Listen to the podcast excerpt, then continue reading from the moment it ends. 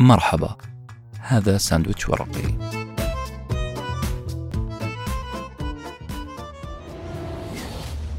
عزيزي المستمع عزيزتي المستمعة مساء الخير صباح الخير كل أوقاتكم إن شاء الله خير.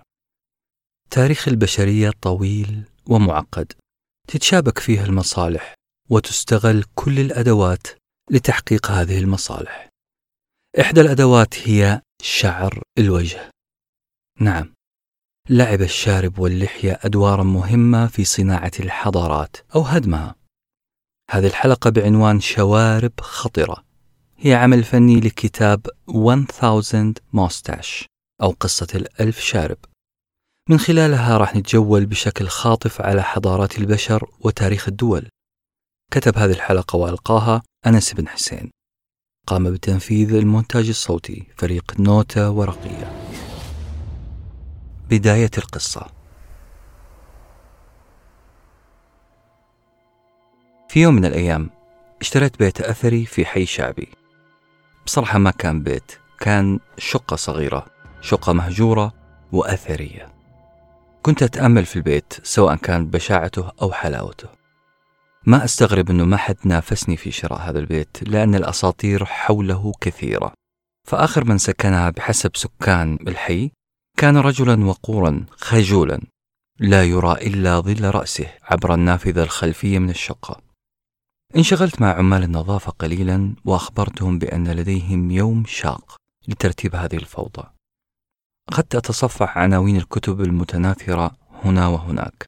تاريخ أوروبا القديم مثلا تاريخ أوروبا الحديث العصر الإسلامي الفايكنجز وسيادة أوروبا قصة الحضارة. يبدو أن الساكن القديم كان مهووسا بالتاريخ. في تلك اللحظة ما كان فعلا يشغل بالي إلا الصندوق الحديدي اللي في الغرفة الخلفية اللي رأيته في أول زيارة لي لهذا المكان. حسيت بنوع من الغموض والإثارة أو بالأصح كمستري كيمياء بيني وبين ذلك الصندوق. تسللت بخلسة إلى الغرفة الخلفية بيدي اليمنى مطرقة وبيدي اليسرى إزميل. بدأت أطرق قفل الصندوق. هذا القفل اللي استجاب لي بسرعة. ما كان بداخله شيء مميز إلا كتاب غلافه مألوف كأنه جزء من أجزاء سلسلة البداية والنهاية. ما راح أعمل دراما وأقول كانت تعلو هذا الكتاب طبقة من الغبار. أبدا الكتاب كان نظيف تماما وكأني أول واحد يقرأه. وأعتقد جازما إني فعلا أول واحد يقرأ الكتاب. فهذا الكتاب لم يكتب ليقرأ. هو أشبه بمذكرات مجنونة. خطها إنسان خاف على نفسه أن يتهم بالجنون. وأتحفظ هنا على كلمة إنسان لأنه مؤلف الكتاب ما كان إنسان. وأنا أقلب هذا الكتاب الغريب بدأت أقرأ أول صفحاته اللي كانت تقول الزمان هو منتصف النهار المكان شارع تجاري على سطح الأرض. السنة 2200 أخط لكم هذه السطور متمنيا. أن أكون في نهاية رحلتي. قد أسديت خدمة للكون. أنا لا أعلم حقا. إن كنت قد فعلت ذلك أو لا. محبكم مواطن من كوكب واسب بي 12 بعد قراءتي لهذه السطور الغريبة ومباشرة أغلقت الكتاب. عدت للصندوق بسرعة وانطلقت أطلب من عمال النظافة أنهم ياخذوا باقي اليوم إجازة. يا شباب غدا راح نستكمل العمل. اليوم إجازة. وخلال سماعي لهتافاتهم السعيدة ودعواتهم الصاخبة لي بالتوفيق والسعادة أغلقت الباب خلفهم وعدت أدراجي إلى الغرفة الخلفية. أطفأت الإضاءة وأشعلت شمعة لأن الكتاب يحتاج هذا الجو.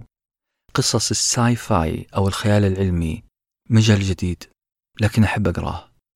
قلبت الكتاب بسرعة بين يديني وبدأت مباشرة من الصفحة الثانية واللي أترككم معها لبعض الوقت أو كل الوقت. مذكراتي. ستقرؤون الآن مذكراتي. أنا مواطن من كوكب واسب بي 12 وهذه أول زيارة لي إلى الأرض. جلست على الكرسي. لم يكن أي كرسي لم يكن في بيت أحد المضيفين لي بل كان كرسي الحلاق. جلست على كرسي الحلاق باستسلام بعد أن أحكم هذا الحلاق ربط قطعة قماش حول رقبتي لتغطي كامل جسدي وكأنه يتهيأ لإجراء عملية جراحية كنت أتحين الفرصة. حين ينشغل هذا الحلاق في تحضير معجون الحلاقة مثلا لأقوم بزرع شريحة مدمجة. أنتظر الفرصة لأزرع هذه الشريحة المدمجة في عنق هذا الأرضي لا تبدأ اتهاماتكم لي بالإجرام فأنا كنت في مهمة نبيلة مهمة نبيلة جدا. أنا مبعوث كوكب مسالم للغاية. كوكب يقوم فقط بإجراءات احترازية ضد ما يتوقع أن يفعله الأرضيون في الفضاء. أنا هنا لحقن فرد بشري بشريحة مدمجة تعمل كحصان طروادة. هذه الشريحة ستعطل نقاط معينة في الفص الأمامي من دماغ الضحية وتزرع بالتالي في مناطق الذاكرة خيالات. هذه الخيالات ستقوم بإيهام الأرضيين بأنهم على وئام مع سكان المجرات الأخرى. قلت لكم أنا في مهمة سلام. لكن الغريب في تلك اللحظات إني من خلال تعاملي مع الحلاق لم أشعر أبدا بما يروج لدينا من خطر يشكله البشر. صحيح أن المفروض ما أعمم يعني أقصد ما أعمم الخير على كل البشر فقط لأن هذا الحلاق اللي أمامي رجل بشوش ومحترم. هذا الحلاق اللي وقع عليه اختياري عشوائيا ليكون حصان طروادة ينشر عدوى السلام بين البشر. سألني هذا البشوش فجأة هذا البشوش ذو الستين عاما وقال يبدو أنك تحب التراث اليوناني. بحلقت عيوني على الآخر وترددت قبل ما أسأله وما الذي جعلك تعتقد أنني أحب التراث اليوناني؟ رد علي قائلا لأنك ثالث مرة خلال دقيقة تعيد كلمة حصان طروادة في هذه اللحظة انتبهت.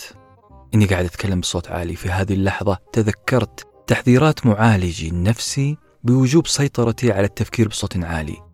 أنا فعلا ذكرت حصان طروادة أكثر من مرة. حاولت ترميم هذا الخطأ وقلت للحلاق نعم قرأت القليل عنها. أنت إيش تعرف عنها؟ هنا وفي هذه اللحظة في هذه اللحظة بالضبط توقف الحلاق عن قص شعري وبدأ يقص علي كل ما يعرفه عن التاريخ تاريخ الإغريق بالذات.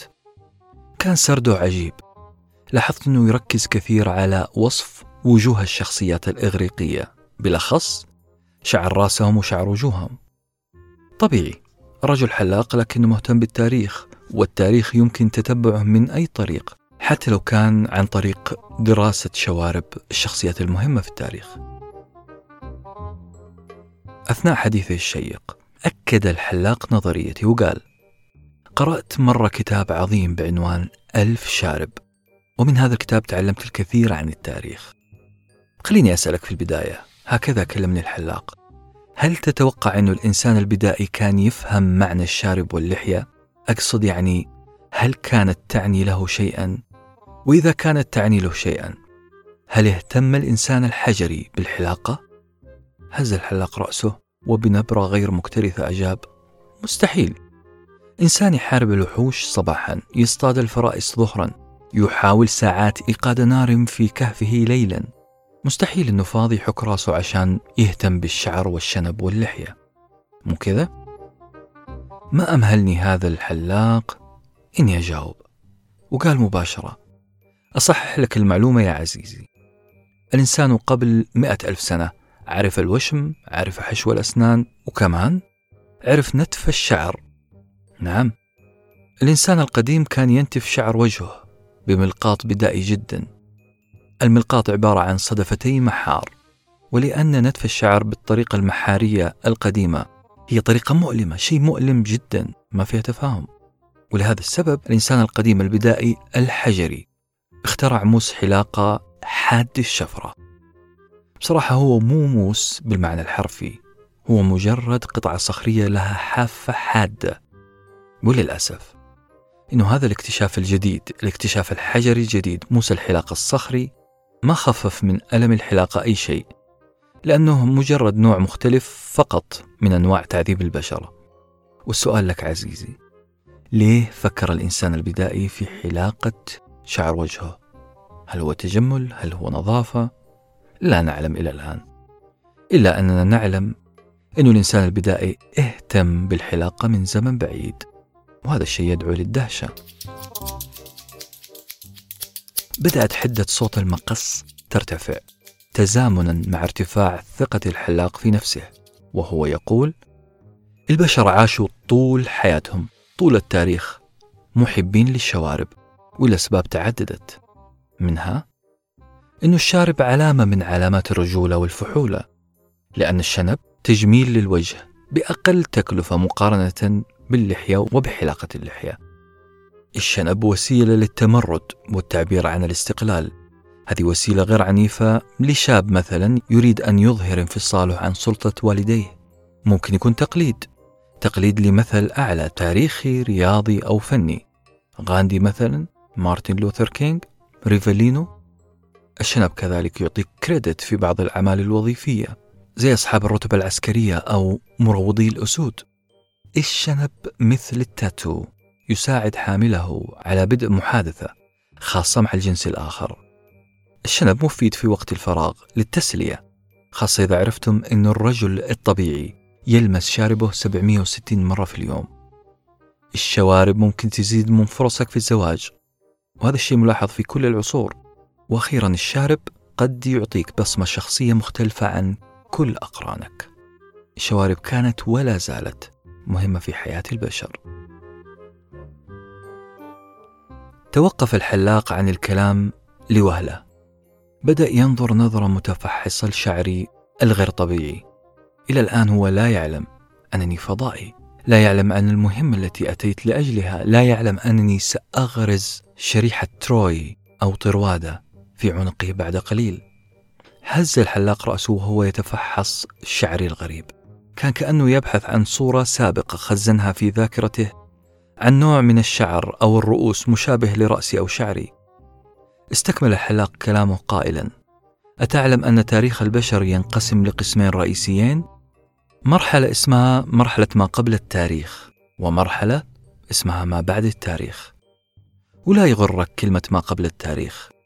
إحنا نقصد فيها إنه كل التاريخ اللي سبق مرحلة الكتابة والتدوين الإنساني. بالعربي البسيط يا ابني. عصور ما قبل التاريخ هي العصور اللي ظهرت قبل المخطوطات الواضحة والكاملة. يعني عصور قديمة جدا من ثلاثة مليون سنة إلى أن ظهرت الكتابة في العراق في عهد الدولة السومرية. يعني من ثلاثة مليون سنة إلى السومرية يسمى ما قبل التاريخ. عصور ما قبل التاريخ ثلاثة العصر الحجري العصر البرونزي العصر الحديدي. لكن لما نتكلم عن إنسان ما بعد التاريخ لابد أن نتكلم عن السومريين سومريي العراق قبل 3400 سنة قبل الميلاد. السومريين كانوا محبين للكتابة ومحبين لشيء آخر شعر الوجه. أكمل الحلاق. دعني ألخص لك بشكل سريع ما حصل في منطقة الشرق الأوسط لأنها منطقة حساسة ومهمة في التاريخ. بشكل أدق خليني أحكيك عن منطقة الشرق الأوسط منذ اكتشاف الكتابة وحتى ما بعد ميلاد المسيح. ظهرت في الشرق الأوسط ثقافات كثيرة. كل واحدة تلتهم الأخرى. بعض هذه الثقافات والحضارات والدول كانت تتنافس على الصدارة ومعظمها كانت عينها على خيرات جيرانها. حضارات العراق مثلا الحضارات المشهورة زي السومرية الأشورية الأكادية والبابلية. أعرف أنه هذه المصطلحات يمكن تكون غير واضحة بالنسبة لك لكن لما تربطها بالتاريخ تربطها بالشخصيات المشهورة تربطها بأحداث معروفة راح تسهل عليك العملية. بجانب العراق كان في حضارتين في مصر حضارة الفراعنة والهكسوس في فلسطين شمالا وجنوبا ظهرت مملكتي إسرائيل ويهوذا. فارس كانت في إيران سبأ ومعن وحضرموت في اليمن ثمود وكندا في الجزيرة العربية.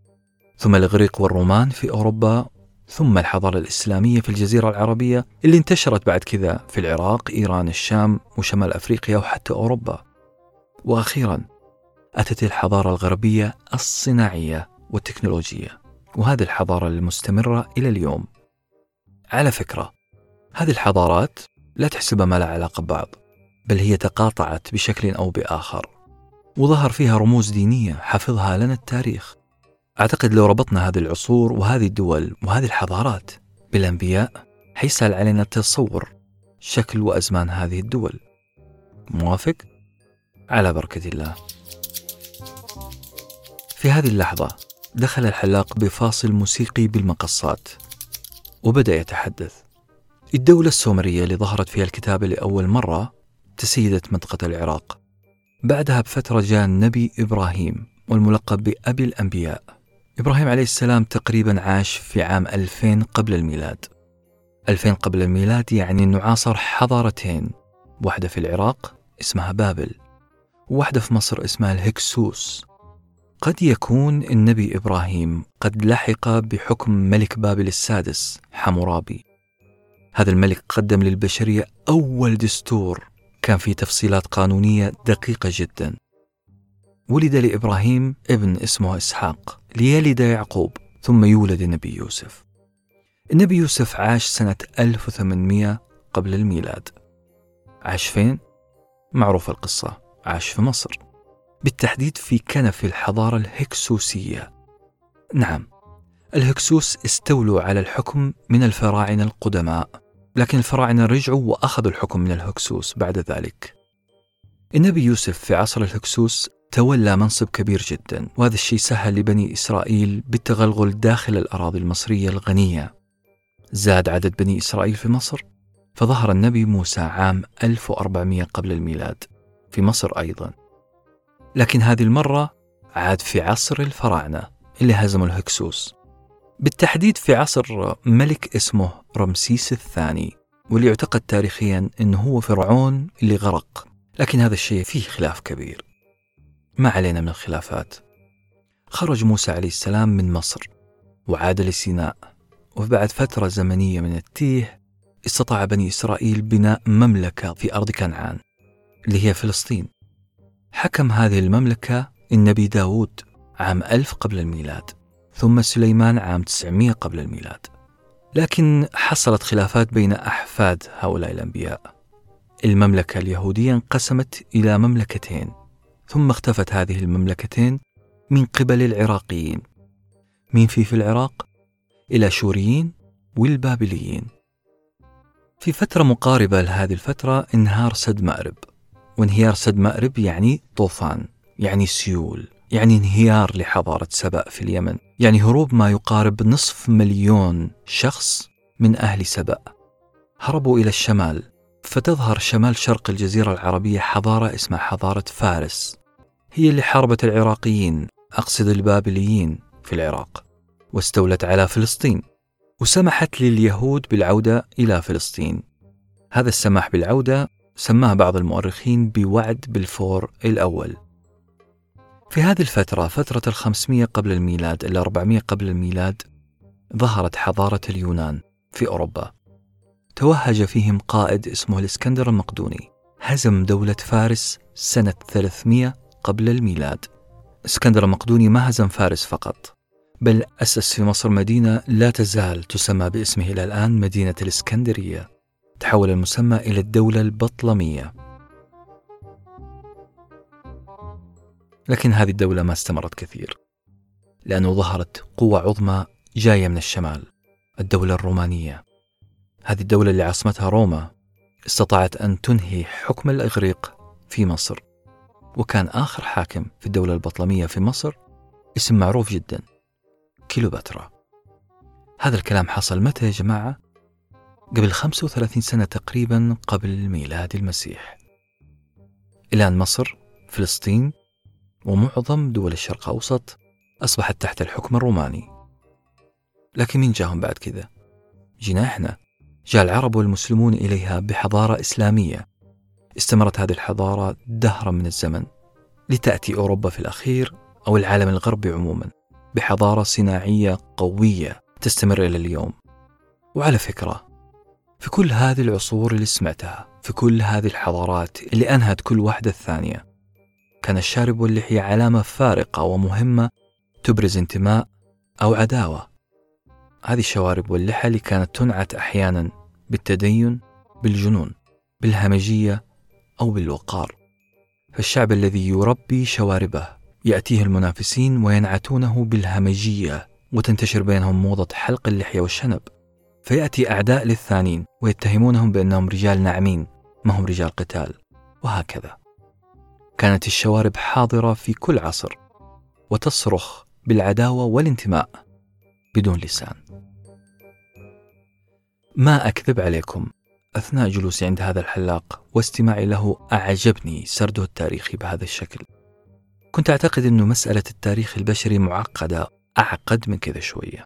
لكن واضح أن هذا الرجل هو دليل ممتاز لكي أفهم ما حصل على الأرض. لذلك راح أجل شوية مهمتي. مو لازم الآن أزرع شريحتي في عنق هذا الرجل. بل استبدلت ذلك بسؤال. سألته قائلا. أسمعك تستخدم الأرقام كثير. تستخدم التواريخ بإتقان.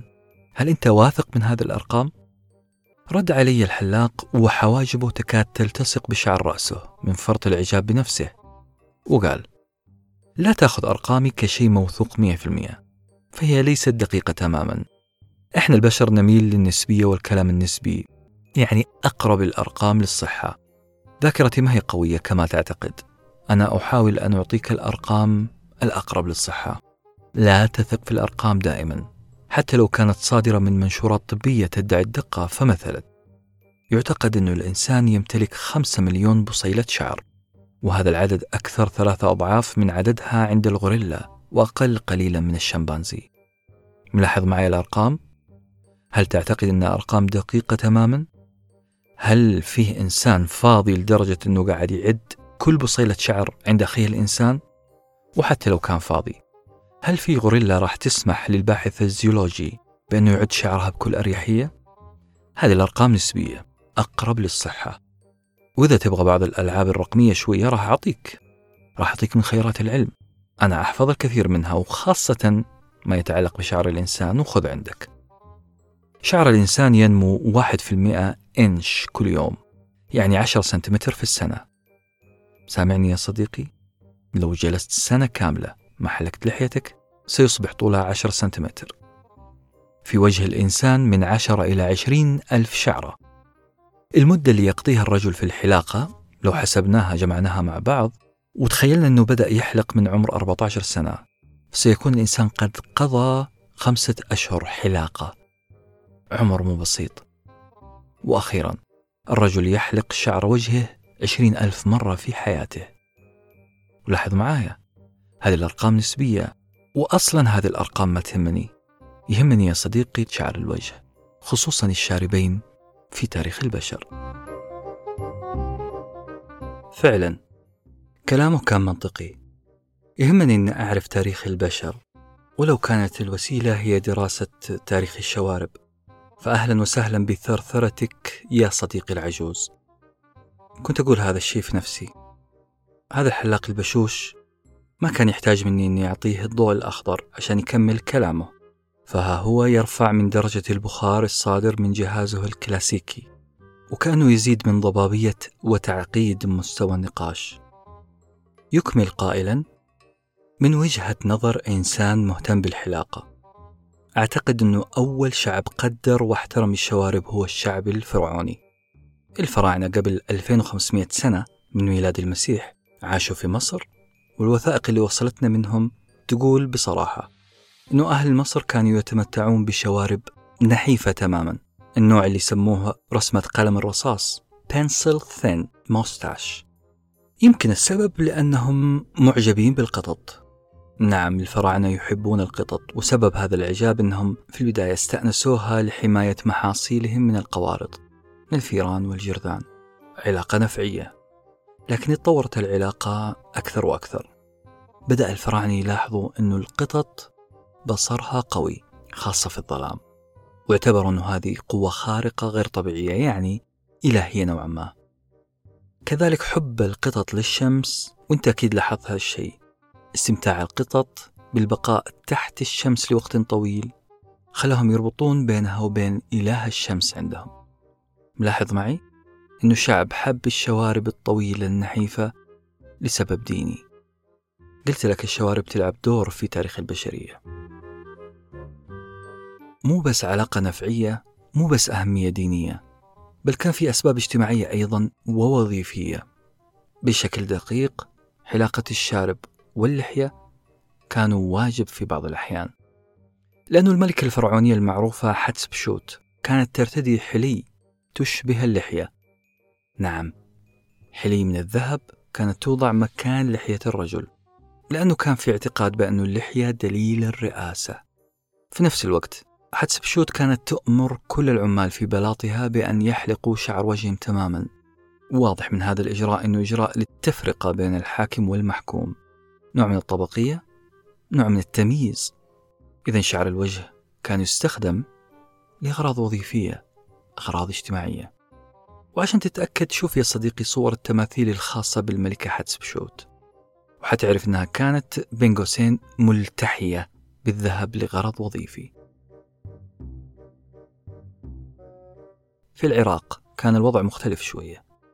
الأشوريين اللي قلنا قبل شوي أنهم أنهوا مملكة اليهود في فلسطين. الأشوريين كان لهم لحى واضحة لكن الجنود لا. لازم يحلقوا اللحية ويتركوا الشوارب. وكل هذا للتفريق. ملاحظين التفاوت؟ الملك بلحية والجندي بشنب. وأعتقد أنه اهتمام الأشوريين بالشنبات كان نوع من التنافس القوي جدا بينهم وبين الفرس ذوي الشوارب أيضا. لعلها معركة نفسية بالشوارب. مين ينهزم نفسيا أول؟ إحنا ولا أنتم؟ دولة فارس زي ما قلنا قضت على دول العراق وقعدت موضة الشوارب الفارسية إلى عهد قريب إلى عهود الإسلام. بعث النبي محمد صلى الله عليه وسلم في الجزيرة العربية. وفضل أن المسلمين يخالفوا الفرس شكلا ومضمونا وتم رفض الشوارب الكثة لهذا السبب. وعلى بعد آلاف الأميال من هذا الخلاف العربي الفارسي حول الشنبات كان في قصة حب عنيفة للشوارب يعيشها الصينيون. الفيلسوف الصيني كونفوشيوس وقبل ميلاد المسيح بخمسمائة سنة قال جملة قوية جدا. قال الرجل بلا شارب هو رجل بلا روح.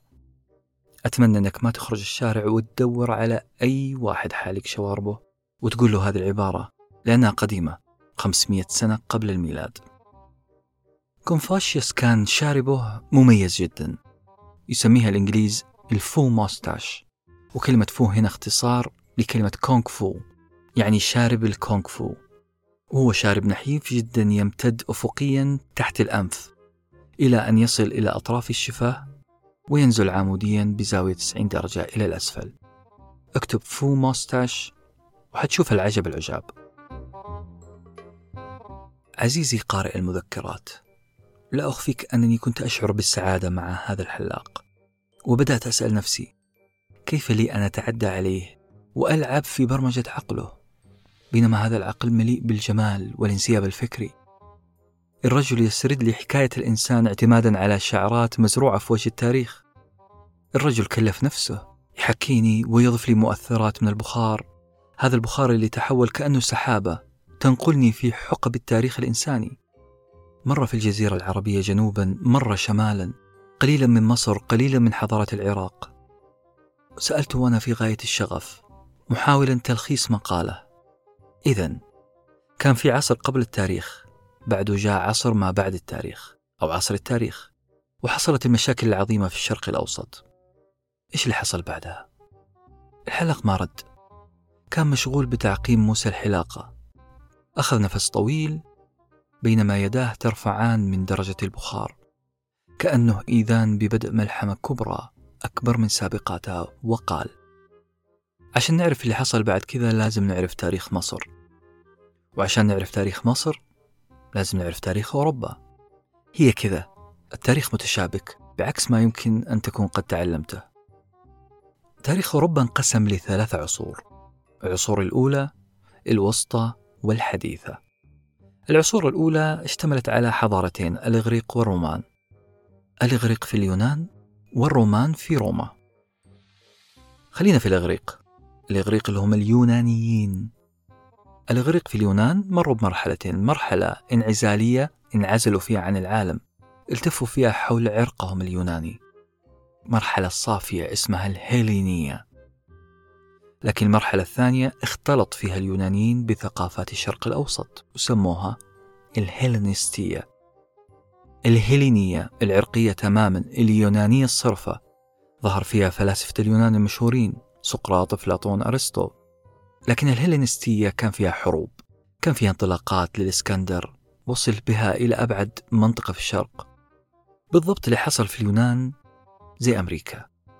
كانت منعزلة عن العالم قبل 250 سنة ثم اكتشفت أن عزلتها هذه أصبحت تضر أكثر من نفعها وبدأت تقترب من الشرق شيئا فشيئا. ما علينا من أمريكا. المهم أنه اللي حصل أنه الإغريق أو الهيلينستيين أو ما يسمى بدولة البطالمة حكمت مصر. الإغريق وصلوا مصر.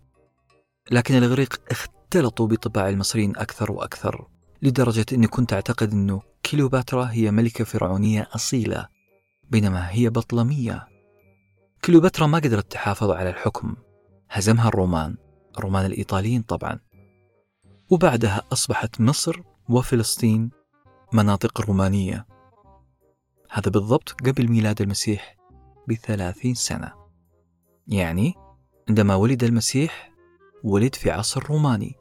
وإذا نسيت هذا الكلام لا سمح الله تذكر عبارة المسيح دع ما لقيصر لقيصر وما لله لله. المسيح كان في عهد القياصرة الرومان. الحضارة الرومانية الدولة الرومانية شيء كبير شيء كبير في التاريخ. لكن كان لها أخطاء أكبر. الرومان نكلوا في كل أتباع المسيحية لأن الرومان كانوا متعددي الآلهة لكن اللي حصل أن الرومان اعتنقوا المسيحية أصبحت الدولة الرومانية دولة مسيحية. وللأسف حتى بعد هذا الشيء بقي التنكيل بل زاد بكل من خالفهم في فهم العقيدة المسيحية. افتروا بالذات في المصريين. لأن المصريين فهموا العقيدة المسيحية بطريقة ولم يقبلوا الإملاء الروماني. المصريين المسيحيين أو المسيحيين المصريين أو ما يسمون بالأقباط كانوا معتزين بهويتهم الجغرافية العرقية المناطقية ورفضوا التدخل الروماني في جوهر حياتهم. ولما نذكر هذا الخلاف الكنائسي المسيحي بين مصر وروما فنحن نقصد به أول خلاف كبير حصل بين الكنائس. خليني أفصل لك فيه شوية. الرومان وملكهم كان مذهبهم اسمه خلقدوني. خلقدوني يعني أي شخص آمن ووافق على مجمع ضخم عقد في مدينة خلقدون التركية. في المؤتمر هذا أقروا بأن المسيح لديه طبيعتين طبيعة إلهية وإنسية. المسيح عنده طبيعتين اتحدت في شخص المسيح. مسيحيو مصر رفضوا هذا الكلام. رفضوا فكرة الطبيعتين وقالوا المسيح له طبيعة واحدة إلهية فقط.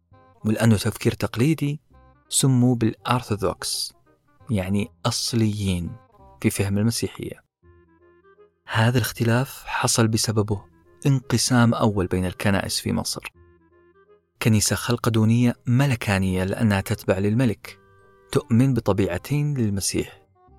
وكنيسة أرثوذكسية يعقوبية آمن بها معظم المصريين تؤمن بطبيعة واحدة للمسيح ومقرها الإسكندرية.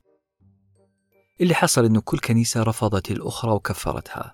هذا الانقسام اللي حصل راح يتطور ويتطور ويتطور لنصل بعدها إلى حاجة اسمها الانشقاق العظيم حصل في أوروبا. حنتكلم عنه إذا جات مناسبة. الخلاف بين الكنائس الرومان والمصريين استمر. إلى أن جاء اسم معروف أتحداك لو ما تعرفه. الاسم هو هرقل القيصر الروماني المشهور. هرقل كان داهية سياسي حاول يمسك العصا من المنتصف واخترع عقيدة بين العقيدتين. حاول يجمع الأرثوذكس اليعاقبة المصريين والرومان أرثوذكس الملكانيين الرومانيين. أرسل لهم المقوقس والمقوقس طبعا قدم اقتراح هرقل. لكن المصريين كالعادة رفضوه وبدأ المقوقس مرحلة اضطهاد جديدة للمصريين. من هذا الاضطهاد وجد العرب طريقهم للدخول إلى أرض مصر. لتبدأ بعدها حقبة من الحكم الإسلامي أو ما يسميه البعض الحكم العربي لأرض مصر. بدأ حلاقي المؤرخ أو المؤرخ الحلاق. بدأ يضع على ذقني أرتال من رغوة الصابون. حلاقة اللحية قد حان موعدها. رغم أني ما طلبت منه ذلك لكن ما عندي مانع يعمل أي شيء طالما أنه راح يكمل كلامه الشيق. رفع من منسوب البخار اللي يطلقه الأنبوب أمام وجهي إلى أن انعدمت الرؤية تماما. الرجل اختفى من المرآة أمامي. سألته وأنا وسط سحابة البخار هذه قائلا؟ ما قلت لي إيش وضع الشوارب في الخلاف بين الرومان وأهل مصر؟ فأجابني من جهة على يساري مباشرة. جايك في الكلام. الخلافات الدينية والسياسية بين الرومان وشعوب الشرق الأوسط كانت ظاهرة على وجوههم أقصد على شواربهم ولحاهم. الكنيسة الرومانية كانت تفضل حلاقة الوجه كاملا مخالف الأرثوذكس المصريين والمصريين عاندوا وربوا شواربهم ولحاهم كيدا في الرومان. هنا بدأ يظهر الدور الشارب جليا في إقصاء الشعوب أو انتماء لدولة. ملاحظ أنه كل الحوار هذا بدأ بسبب شوارب قطط فرعونية؟ قلت لك يا صديقي الموضوع متشعب ومو سهل في هذه اللحظة سألت الحلاق يعني الرومان ضد ظاهرة الشوارب. رد علي مباشرة قال نعم تقدر تسميهم باللا شواربية. أو اللا لحوية الرومان كانوا حليقين تماما مو بس لخلافاتهم الدينية مع كنيسة الشرق بل أيضا لخلافات سياسية مع جيرانهم في الشمال أقصد دول أوروبا وشعوبها. الرومان لعنوا الشنب والذقن لأنها مرتبطة بالهمجية والبربرية وهنا يقصدون شعوب شمال أوروبا الشعوب المتربصة بهم. هم اعتبروا شعوب الشمال والوسط شعوب همجية لأنها تتنقل. ما هي مستقرة في مكان واحد. ما عندهم حضارة عريقة زي الرومان. واعتبروهم بربريين لأنه هذه الشعوب ما تتحدث اللاتينية وهذا شيء مضحك. الحضارة المنتصرة دائما شعوبها ينعت الآخرين بالبربرية. وكأن اللغة الرسمية اللغة المقياس اللغة المعيار هي لغة المنتصر. وخليني أكلمك على كلمة بربرية شوية. شعوب شمال أوروبا ووسطها كانوا يتحدثون بلغاتهم الأصلية. هذه اللغات اللي إذا سمعها الروماني يحس أنها بربرة. نعم كلمة بربرة أنا قاصد أقولها الآن لأنه أصلها باربار. وهذه الكلمة ما لها معنى ما لها معنى في ذاتها. لكن حاول وكرر كلمة بار بار بار بار مرة واثنين وثلاثة. حتعطيك صوت غريب كأنه كلام مبهم ما له معنى مزعج. وهذا الشيء اللي يقصده الرومان. الشعوب الأخرى كانت تبربر لا تتحدث اللاتينية.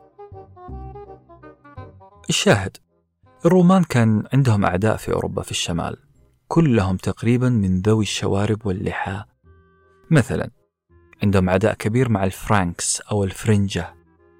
هذول شعوب جرمانية عاشوا في شمال فرنسا وتقريبا في ألمانيا وبلجيكا. كان عند الفرنسيين عداوات مع القوط جوث. وهو شعب اسكندنافي يعني سويدي نرويجي دنماركي. وهذه الشعوب كانت معروفة بشواربهم الكثة. هؤلاء المقاتلين الجوث أو القوط انتقلوا إلى جنوب أوروبا وجننوا الدولة الرومانية. محاربين على مستوى عالي. هم أنفسهم اللي حاربهم جيش طارق بن زياد في خطبته المشهورة البحر من خلفكم والعدو أمامكم. وأخيرا الرومان عندهم عداوة أخرى مع الغول. أو بالإنجليزية ال Gauls ولما تسمع كلمة بلاد الغال هي بلاد فرنسا. يعني الفرنسيين. كان الرجل الأرستقراطي الفرنسي أو اللي من بلاد الغال يحمل شارب كبير. لكن عامة الشعب كانوا يربوا لحى فقط. هل سبق وشفت تمثال الغول المنازع أو بالإنجليزية dying goal؟ روح شوفه وحتكون فكرة واضحة تماما عن شكل الشنب الفرنسي الأصيل. الشارب في شمال أوروبا له قيمة يا رجل. الشوارب أصبحت كابوس يطارد الرومانيين وموضة يحبها الشمال الأوروبيين في هذه اللحظة شعرت بلسعة خفيفة في عنقي. الحلاق ما أمهلني فرصة أني أتأوه وأتحلطم. قال مباشرة آسف. يبدو أن بشرتك حساسة قليلا. فالموس جرحها جرح بسيط. سأضع لك قليلا من المطهر على الجرح. وأكمل على طول كلامه قائلا. صحيح أن الرومان حاربوا الشوارب. الرومان كرهوا الشوارب. لكن الدولة الرومانية ما استمرت. زي أي دولة في الدنيا سقطت. بشكل أدق سقطت الدولة الرومانية اللي في أوروبا. وبقي جزء منها النصف الآخر من الدولة في آسيا. اللي نسميه إحنا بالبيزنطية. الدولة الرومانية في أوروبا سقطت. ومع هذا السقوط بدأت حقبة جديدة اسمها العصور الوسطى. بصراحة ما كنت قادر أشوف الحلاق تماما. البخار كان قوي. من خلال الصوت عرفت أنه قاعد يفتح الحنفية أمامي يسحب مجموعة مناديل ويمسح عنقي ووجهي من بقايا الصابون. كان مرة يحدثني من اليمين ومرة من الشمال وكأنه شيطان يوسوس لي بأساطير ملفقة. أو بالأصح كأنه شهرزاد تحاول كسب مزيد من الوقت. سألته بعد فترة صمت. إذا انتهت العصور القديمة اللي كان فيها اليونان والرومان وجاءت العصور الوسطى. هنا عادت المقصات تعمل عملها. بدأت تضرب في إذني كأنها أجراس كنيسة أوروبية من العصور الوسطى. قال المؤرخ العجوز العصور الوسطى تسمى بعصور الظلام. بدأت من سنة 500 ميلادي. إلى سنة 1500 ميلادي. ألف سنة. عصور الظلام حصلت فيها أحداث لا تعد ولا تحصى. أولها اللي دوبنا قلنا عليه. سقوط الدولة الرومانية في روما. بعدها حصل حدث مهم جدا اسمه الانشقاق العظيم. Great Schism. بالضبط هذا الشيء حصل سنة 1054 انقسمت المسيحية لقسمين. ما عاد هي مناوشات بين كنيستين. انقسمت الكنيسة. إلى كاثوليك في العالم الغربي وأرثوذكس في العالم الشرقي. وهذا ما كان انقسام سهل. الانقسام معناه انقسام في العقيدة في اللغة في السياسة في الجغرافيا. الكاثوليك فضلوا حلاقة كامل وجههم زي ما تشوفون الباب الآن باب الفاتيكان. بينما الأرثوذكس زي ما تشوفون في مصر لا زالوا محتفظين باللحية والشارب. وعموما معظم الأديان موقفها غير مشجع من حلاقة اللحية والشنب. نعم الأديان عندها موقف متحفظ من الحلاقة. يعتبرون فاعله مخطئ أو مضلل. السيخ مثلا بعض المدارس الإسلامية بعض المدارس اليهودية والمسيحية. حتى الفرق المعاصرة الآن الفرق المسيحية زي جماعة الآمش اللي تعيش في أمريكا. هذه فرقة تفضل دائما العيش في حياة بدائية نوعا ما. اكتب الآمش في اليوتيوب وحتجد شعب غريب شوية. هم جماعة مسالمة بل سلمية تماما. هذه الجماعة ترفض العنف. عشان كذا ما تلقاهم لا يشتغلون في الجيش ولا الشرطة ويتجنبوا الدخول إلى المحاكم بأي شكل. ويبدو أنه هذا السلام الحرفي اللي عايشين فيه الآمش جعلهم يفرغون طاقتهم في شيء آخر. في الخلفة نعم الآمش ضد تماما تحديد النسل. العائلة الواحدة تلقى فيها ستة أو سبعة أطفال. هذا الشيء ضاعف عددهم بشكل رهيب وعشان كذا هذه الجماعة ما تدعو أحد ما تبشر أحد بالمذهب الأميشي. الظاهر لأنه عندهم اكتفاء ذاتي من الناس. عددهم تضاعف في الثلاثين سنة الأخيرة. الأمش هذول يحتفظون بلحاهم يطلقونها بكل أريحية لكن الشنب لا. والسبب؟ أنه الشنب رمز العسكرية. العصور الوسطى وعصور الظلام ظهر فيها الإسلام. وصلت الدولة الإسلامية إلى قلب أوروبا يعني بلغراد يعني حدود باريس وفيينا. خلال هذه الفترة هوجمت بريطانيا من جهتين. دولة بريطانيا هاجمها جيشين واحد من الشمال ال Vikings وواحد من الجنوب ال Normans. الفايكنج معروفين اللي يلبسوا خوذة عليها قرنين. هم الشعب الأصلي اللي كان عايش في الدنمارك السويد والنرويج. هذه الشعوب هجمت على شمال بريطانيا وأثرت فيها ثقافيا وحضاريا لكن مو زي الهجوم الثاني. الهجوم اللي جاء من الجنوب من قبل ال Normans قصة النورمان عجيبة.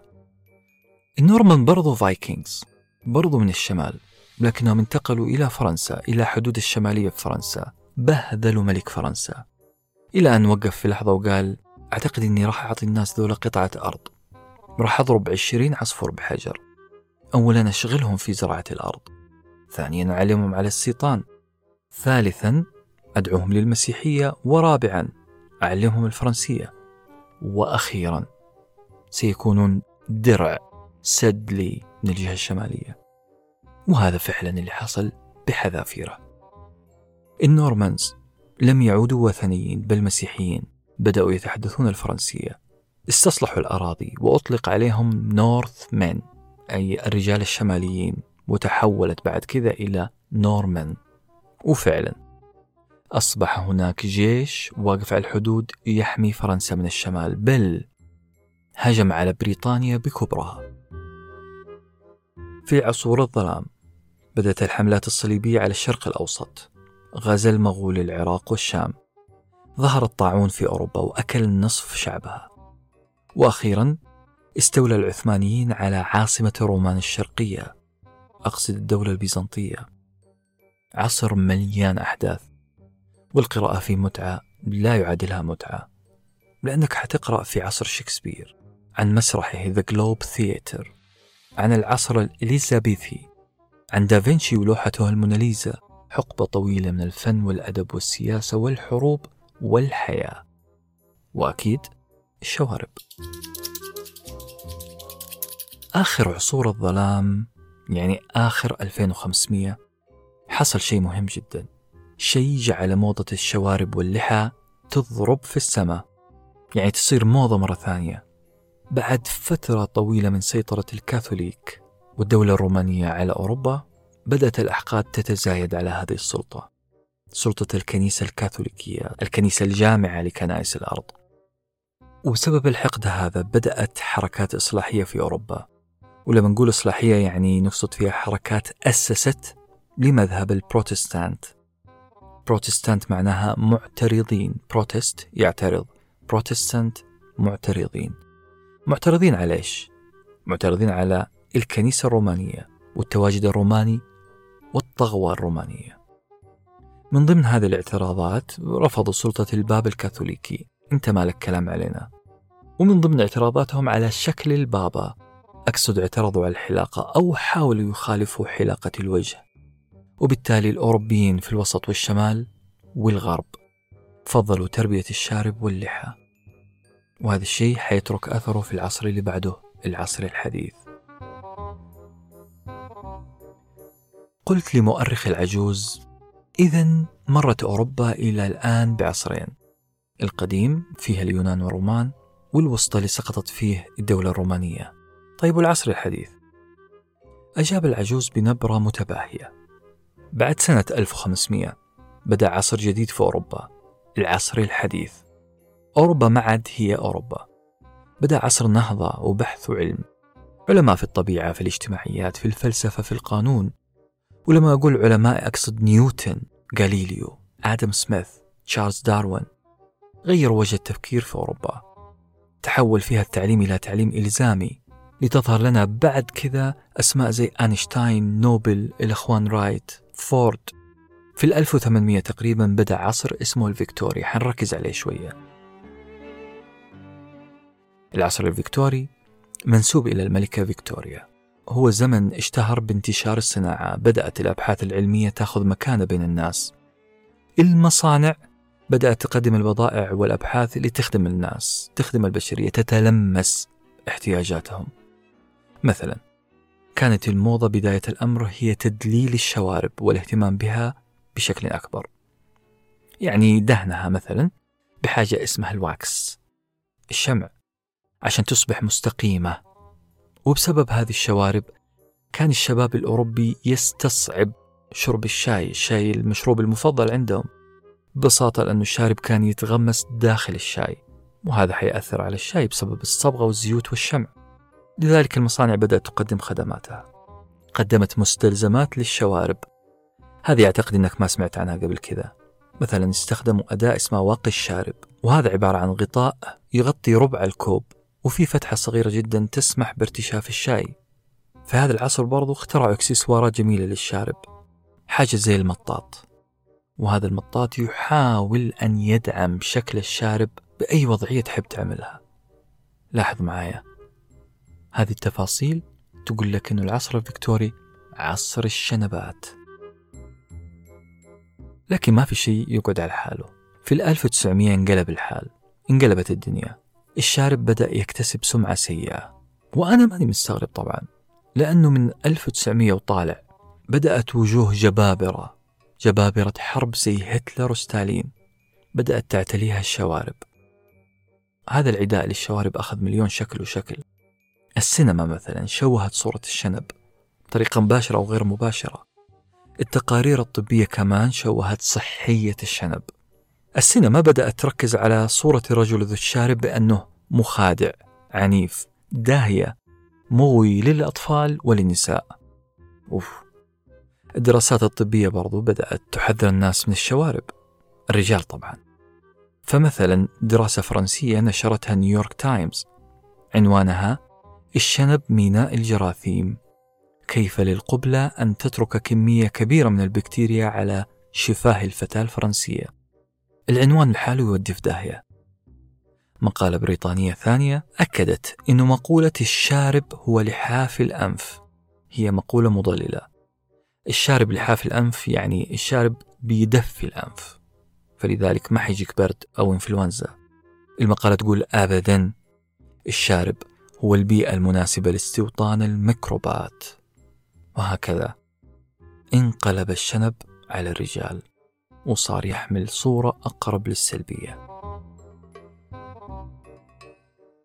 إذا العصر الحديث كان فيه فقط الفترة الفيكتورية هي اللي احترمت الشنب. لكن الفترات اللي بعدها حاربت الشنب. ولا يغركم إنه بطل لعبة ال video games اللي اسمه سوبر ماريو. لا غرك إنهم صوروا هذا الشخص الظريف بشنب كبير. تراها ما هي محاولة لتلميع صورة الشوارب. كل ما هنالك إنه السيد مياموتو صاحب شركة نينتندو ما كان عنده التقنية اللازمة والكافية عشان يرسم تعابير وجه ماريو. لذلك فضل أنه يضع له شارب كثيف جدا وقبعة حمراء تغطي معظم الملامح. الشنب أقرب للسلبية. صدر صوت تنبيه من ساعة كان يرتديها الحلاق. أوقفها بسرعة ورفع من وتيرة جهاز البخار ووتيرة حديثه. لم أرغب أبدا في أنهاء هذا السرد الجميل. حتى لو كان هذا السرد راح يأخر تنفيذ مهمتي مهمتي في زرع الشريحة الطروادية في جسده الضعيف. أكمل الحلاق قائلا. أدوات الحلاقة تطورت من صدفتين إلى أمواس جيلت. والتطور هذا مر بمراحل كثيرة. في العصر الروماني انتشرت مكنة حلاقة فخمة فخمة جدا وأقصد طبعا في عصرهم. كان اسمها نوفا سيلا وهي أداة حديدية فيها ثلاث فتحات تضع فيها أصابعك. في طرفها موس حديدي موس من الحديد. واو! هذه الأداة كانت تحلق بشكل أفضل لأول مرة في التاريخ يحلق الرجل لحيته بهذه الطريقة المتطورة لكن كان فيها مشكلة. مشكلتها أنه احتمال وفاة مستخدمها كبيرة جدا بسبب التيتانوس والتلوث. الموس ممكن يصدف أي لحظة. بقيت الأمواس تتطور قليلا في كل عصر. إلى أن وصلنا سنة 1770 صنع فيها أول موس آمن. إيش يعني موس آمن؟ يعني أخيرا شخص ما تأمل في الموس وقال أنا ألاحظ أنه قطعات الموس لجلد الإنسان كثيرة. لذلك راح أحط قطعة خشبية موازية للموس وكأنها دليل تدل الموس على الم... على مدى العمق اللي المفروض أدخل عليه. كان اختراع كبير جدا لدرجة أنه المخترع أصدر كتيب سيلف هيلب مساعدة ذاتية. اسم الكتيب فن تعلم الحلاقة بنفسك The Art of Learning to Shave by Yourself. وإصدار كتيب عن الحلاقة مؤشر قوي جدا. الحلاقة بدأت تتشخصن. الناس قادرين الآن على شراء أمواس والحلاقة بنفسهم. استمرت هذه العملية إلين جاء واحد اسمه مايكل فاراداي. واتذكر هذا الاسم يا عزيزي لأنه هو اللي أنقذني وأنقذك من أخطار الحلاقة واللي عمل نقلة في صناعة الأمواس. مايكل فاراداي في 1800 ميلادي استطاع أنه يمزج قليل من الفضة بالحديد وليش ندمج الاثنين؟ ببساطة المعدن راح يصير أقوى وحتزيد حدة شفرة الحلاقة. في نفس الوقت تعرضها للصدأ راح يقل. بعدها تطورت الأمواس. خلال المئتين سنة التالية تطورت في كل شيء في مسكتها في نوع الأمواس في حدتها في تقنياتها في الزيوت المضافة لها إلى أن نجح الإنجليز في تطوير الأمواس بطريقة فظيعة. صار للموس مساك يسهل لنا التحكم بشكل أكبر. أثناء الحلاقة ويظهر بعدها عملاق كبير. كلنا نعرفه. جيليت. شركة ضخمة طورت أدوات الحلاقة وأضافت موس ثاني مع الموس الأول عاد صار موس وحداني. وأضافوا لأداة الحلاقة تقنية اسمها ال pivoting أو الميكانيكية المحورية للأمواس. وسموا هذه الأمواس آترا. آترا ملاحظ؟ اسم فخم يوحي لك بأنها تقنية نظام دفاعي كوني. وهي ببساطة أسهل من كذا. آترا هي اختصار لكلمة Automatic Tracking Razor. ومعناها الموس المتتبع بشكل آلي وهي ببساطة. وضع الموس على محور يسمح له بالتحرك على هذا المحور. يعني حركة انسيابية أكثر مع الوجه.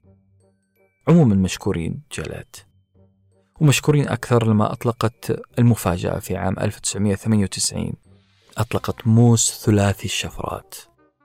هذا الاختراع اللي كان محاط بالسرية لتصل تكلفة أبحاث هذا الاختراع إلى 750 مليون دولار. 750 مليون دولار.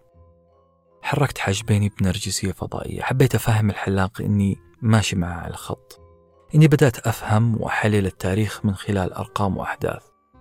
كلها لها علاقة بالشوارب وحلاقة الشوارب. 750 مليون دولار معناها أنه ثقافة الحلاقة هي ثقافة العصر اللي إحنا فيه. معناها المكاين هذه. لازم تكسب. معناها إعلانات أكثر معناها تقارير طبية تفضل الحلاقة على تربية الشنب والدقن. لكن لا. الحروب متساوية. الموضة تطلع هنا يجي لها أعداء في الجهة الثانية. تختفي من هنا تظهر هنا. وهكذا. لكن تبقى الصورة العامة للعصر الحديث أن الحلاقة هي القاعدة والشوارب واللحية هي الاستثناء. سردت هذه الاستنتاجات العظيمة بصوت واضح لكن استغربت أن صديقي الحلاق لم يرد. استمر المكان في صمت لمدة دقيقة. ما وجدت تجاوب منه. وماني قادر أشوفه بسبب الضباب بسبب البخار. أخيرا سمعته يتمتم بهدوء وبلغة غير واضحة ما ارتحت لها. كأنها ترانيم مقدسة. أخذها الحلاق من عصر من العصور القديمة اللي كان يكلمني عنها. قلبي ارتاب. لذلك كردة فعل طبيعية. حاولت أني أنزع قطعة القماش اللي تحيط بي. حاولت أوقف على حيلي لكن لا يدي ولا حيلي ما طاوعوني. قدمي كذلك. جسمي كله خائر القوة أنا منهك مخدر بالأصح ويا للمفاجآت المتتالية. عندما انقشع الغبار من أمامي في المرآة وجدت شعري كما هو لم يتغير. وجدت قطعتين من اللصق الطبي على رقبتي. وجدت الحلاق يتهامس مع شخص حليق تماما يرتدي نظارة سوداء ومع تزايد الرعب في قلبي التفت الحلاق لصورتي في المرآة. وبنظرة حانية قال لا تقلق راح يتشافى جرحك وحتتصالح مناعتك مع شريحة تروي 2 اللي زرعناها في عنقك. مقرك الهادئ على الأرض راح يكون جاهز حالما تنجح في نشر عدوى النزاع والانشقاق على كوكبكم الصغير. وقتها بالكاد قاعد أستوعب كلامه. بدأت عيناي تخفتان شيئا فشيئا. قبل أن تغلق تماما اقترب الحلاق مني وهمس. لا تنسى يا عزيزي أن تكتب مذكراتك.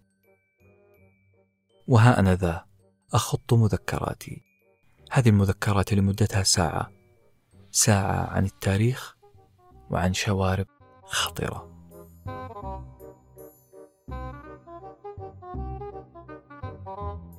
هكذا أعزائي المستمعين أغلقت آخر صفحة في مذكرات رجل. رجل اعتزل الحياة اعتزل الناس. رجل قد يكون قد اخترع قصة طويلة قصة مليئة بالأحداث الغريبة. قصة رجل اعتزل الحياة وفضل العيش بين سطور التاريخ والشوارب الخطرة. في حفظ الله.